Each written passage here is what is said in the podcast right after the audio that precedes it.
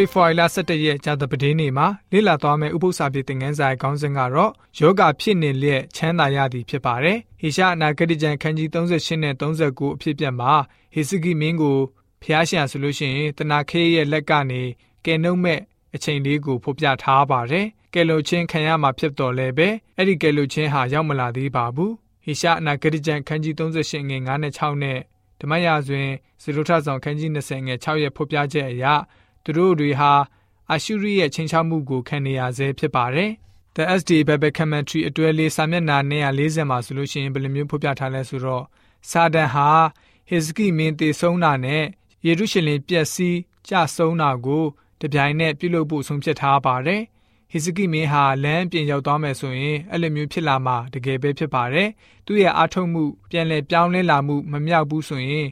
ယေရုရှလင်မြို့ကြီးပျက်စီးတာကို မြင်မြင်ဖြစ်စေမှာဖြစ်ပါတယ်။မြင်မြင်ဖြစ်စေလိမ့်မယ်ဆိုပြီးတော့ဖော်ပြလိုထားပါတယ်။ခုနကဖော်ပြချက်ကိုသင်ခန်းစာယူခြင်းအပြင်ဖျားရှင်ရဲ့လူတွေအတွက်ကောင်းတဲ့ခေါင်းဆောင်မှုဟာတကယ်ပဲအရေးကြီးတယ်ဆိုတာကိုတွေ့ရပါတယ်။ဖျားရှင်ထံကနေကမ်းလှမ်းတဲ့နမိတ်လက္ခဏာကိုတောင်းဖို့ဟိရှာအနာဂတိကျမ်းခန်းကြီး9အကြောင်းမှာအာခတ်မင်းဟာညင်းပယ်ခဲ့တဲ့အတွက်ကြောင့်အာရှုရုနဲ့ဒုက္ခပြဿနာကိုစတင်ရင်ဆိုင်ရပါတော့တယ်။သို့တော့အခုမှတော့ဟေဇကိမင်းဟာ နမိတ်လက္ခဏာကိုတောင်းပါတယ်။ဒါကြောင့်ဖျားသခင်ဟာဟေဇကိမင်းရဲ့ခမဲတော်အာခတ်မင်းယူဒပြည်ပေါ်ပြုခဲ့တဲ့ပြဿနာကိုရင်ဆိုင်ဖို့တားတော်ဟေဇကိမင်းကိုခွန်အားပေးတော်မူပါတယ်။နမိတ်လက္ခဏာအဖြစ်နဲ့အာခတ်မင်းရဲ့နေအရေးနိုင်နောက်ပြန်လှည့်ခြင်းဟာနမိတ်လက္ခဏာပဲဖြစ်ပါတယ်။ဘာဗလုန်လူမျိုးတွေဟာ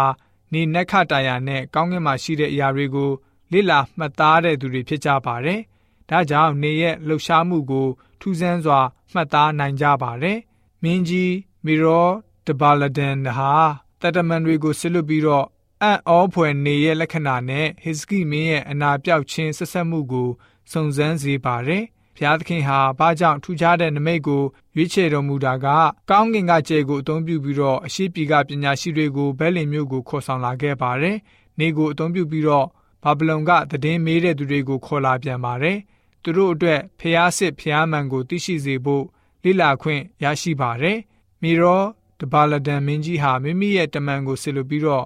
အပြည့်သက်အာရှုရိလက်ကလွတ်လပ်ရေးကိုကြိုးပမ်းပါတယ်။ဟေဇကိမင်းနဲ့တွေ့ပြီးတော့တောင်တင်းတဲ့မဟာမိတ်ဖွဲ့ဖို့ဖြစ်ပါတယ်။နေအရေးဟာဟေဇကိမင်းရဲ့တောင်းဆိုတဲ့နမိတ်ဧကန်ဖြစ်ခဲ့မယ်ဆိုရင်အာရှုရိအပေါ်မှာလည်းပဲသူတောင်းဆိုမယ်ဆိုရင်ဧကန်ဖြစ်လာမှာဖြစ်တဲ့အကြောင်းလုံးဝအဲ့လိုမျိုးတွက်ထားတာဖြစ်ပါတယ်။ဟေဇကိမင်းဟာဖျားရှင်ပေးတဲ့နမိတ်ကိုဘာဗလုန်သားတွေကိုတတ်သိခံဖို့ပြက်ကွက်ခဲ့ပါတယ်။ အဲ့ဒီပြက်ကွက်မှုရဲ့အကျိုးရလက်က